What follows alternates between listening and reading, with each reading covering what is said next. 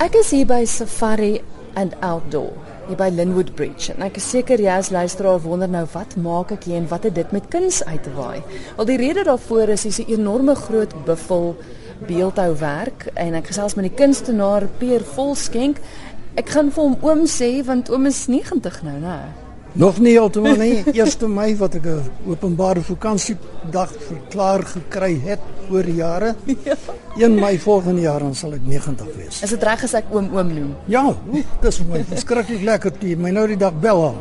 En ek sê vir my vrou ek sê sy sê oom, toe sê ek daar's hy. oom, ek het gedog aanvanklik net beeldhou, maar hoe meer ons gesels en hoe meer ek agterkom, besef ek oom het klas gegee en omtrent baie van die dissiplines en hom weet alles van kuns af. Nee, nie als nie. nee, ek leer nog by die dag.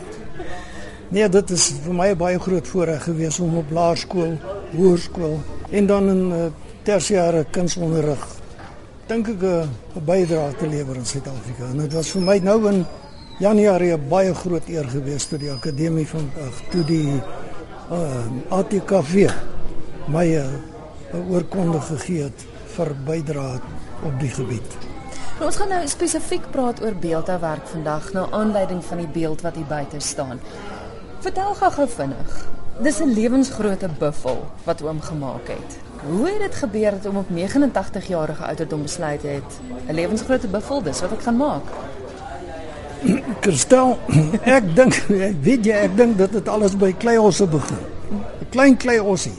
Ek het saam die swart kinders groot geword in Noord-Transvaal. Kiago, Zimbabwe, Basutu.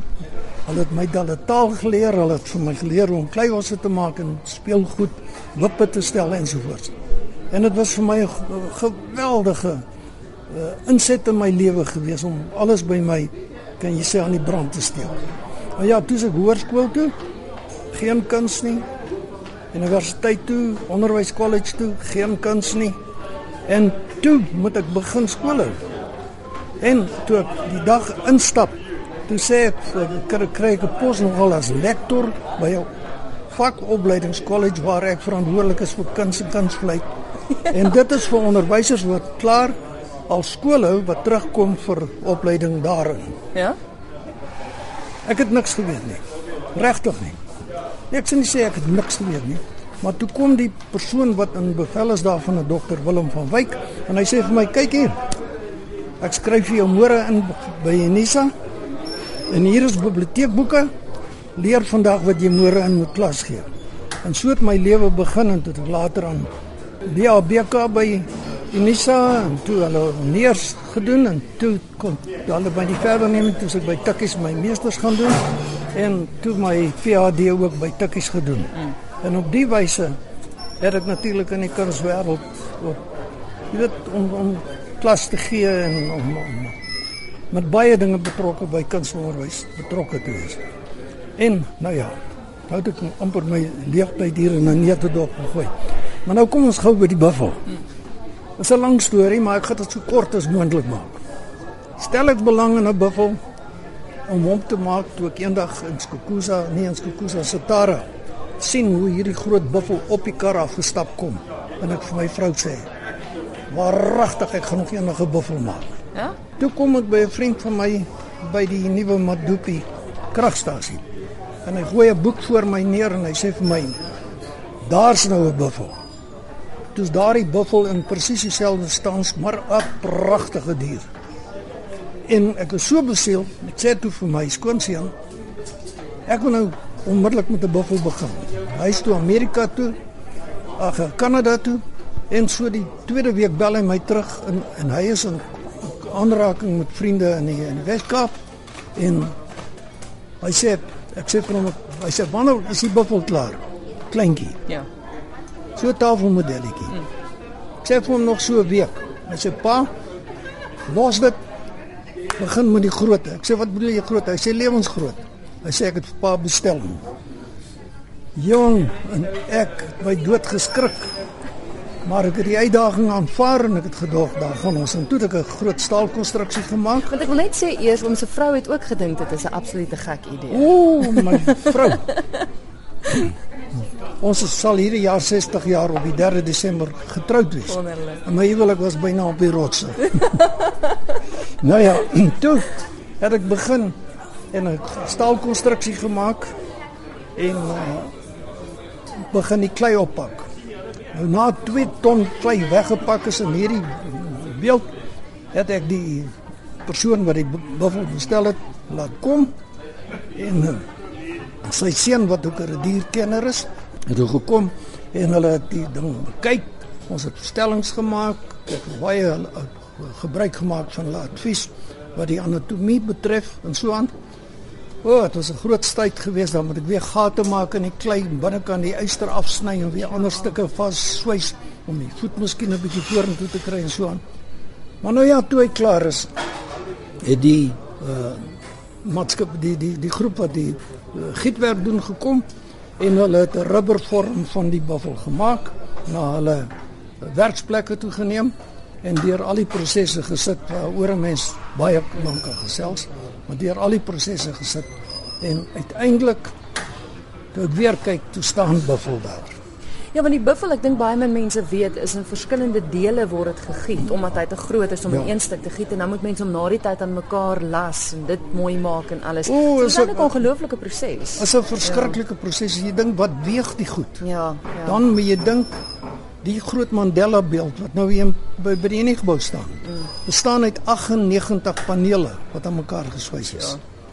Hierdie ene is maar 18. Kom ons kyk gou na die na die praktiese dinge rondom die maak van daai groot buffel. Is 89.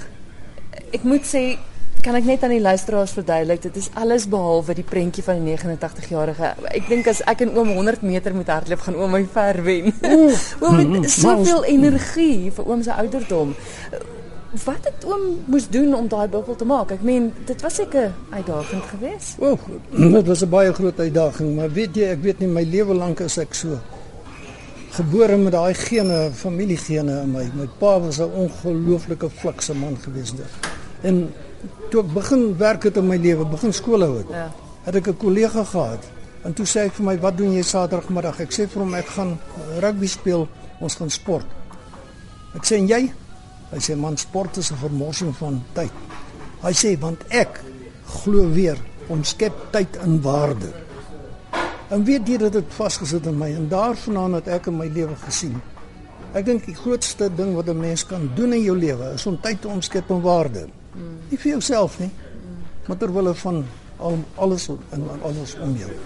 Nou ja, dis eintlik die die geskiedenis van van van ehm um, wat in my gedurig aan die gang is. Ek bly hiperaktief om iets te doen. Hierdie buffel, dis nie die eerste een wat gegiet is nie. Soos ek verstaan is dit die tweede een en daar is nog op pad, né?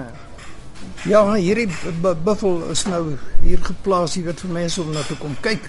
En uh soos wat dit vir my lyk, is daar nog buffels wat sal moet gegiet word afhangende van belangstelling. En nog dinge in die pipeline is daar. Nog 'n dier wat oom gaan aanpak of nog iets wat Jong, ek mag eintlik dit nie sê nie, maar iemand ja. het vir my gevra om 'n beeld te maak, 'n market te maak, omtrent so groot Ja. van 'n perd wat internasionale kampioen is. Opdrag is 'n perd van 'n ander kleur. In elk geval, dis hy. En dan is ek nou besig met drie borsbeelde van die bekende ZZ2 sigters, Ja, ja, ja. beginners. Ja. Van Bertie van Sail, van sy broer Flip en van Henny om by hulle hoofkwartier daar by Moketsi plek te kry op 'n stomp wat die lewe sal aantoon. Intussen dit deur alles skilder oom ook, né? Baie. As ek net kan, ek het ek dink ek het 4 4 uh redelike groot skilderye gemaak van kermetarbome want ek twyfel of daar iemand is in Suid-Afrika wat soveel kermetarbome as ek al geskilder het. Ek is so lief vir die bome en ek het dit nou geskilder in die proses van ons vakansie deur die Wildtuin en daarbo. Maar hoor ek, ekskuus, ek wil nog tot net terugkom na die na die buffel toe. Toe kom iemand nou die dag by my en hy sê vir my, "Het jy daaraan gedink dat ek glo nie in die geskiedenis ek hoor ek spog nou nie." Ek sê ek's dankbaar boontoe is genade. Dat in die geskiedenis van die wêreld watter land jy ook al in berekening kan neem. Het niemand nog ooit op 89 jarige ouderdom so taak aangepak en klaar gemaak nie. En toe dan staan ek so en dink daaroor, toe dink ek regtig dit is moontlik, is seker waar. Ek weet nie van iemand nie. Hoekom dink oom is ek hier om met oom te gesels? Stel. Ek waardeer dit baie. Baie dankie vir die gesels. Dit is so groot voorreg om oom te ontmoet en ek beloof as ek eendag daaronder is, sal ek hom kuier. Asseblief, baie welkom. Net so welkom as wat jy is elke Dinsdag aand op daai kunsprogram. Dankie Christel. Dankie oom.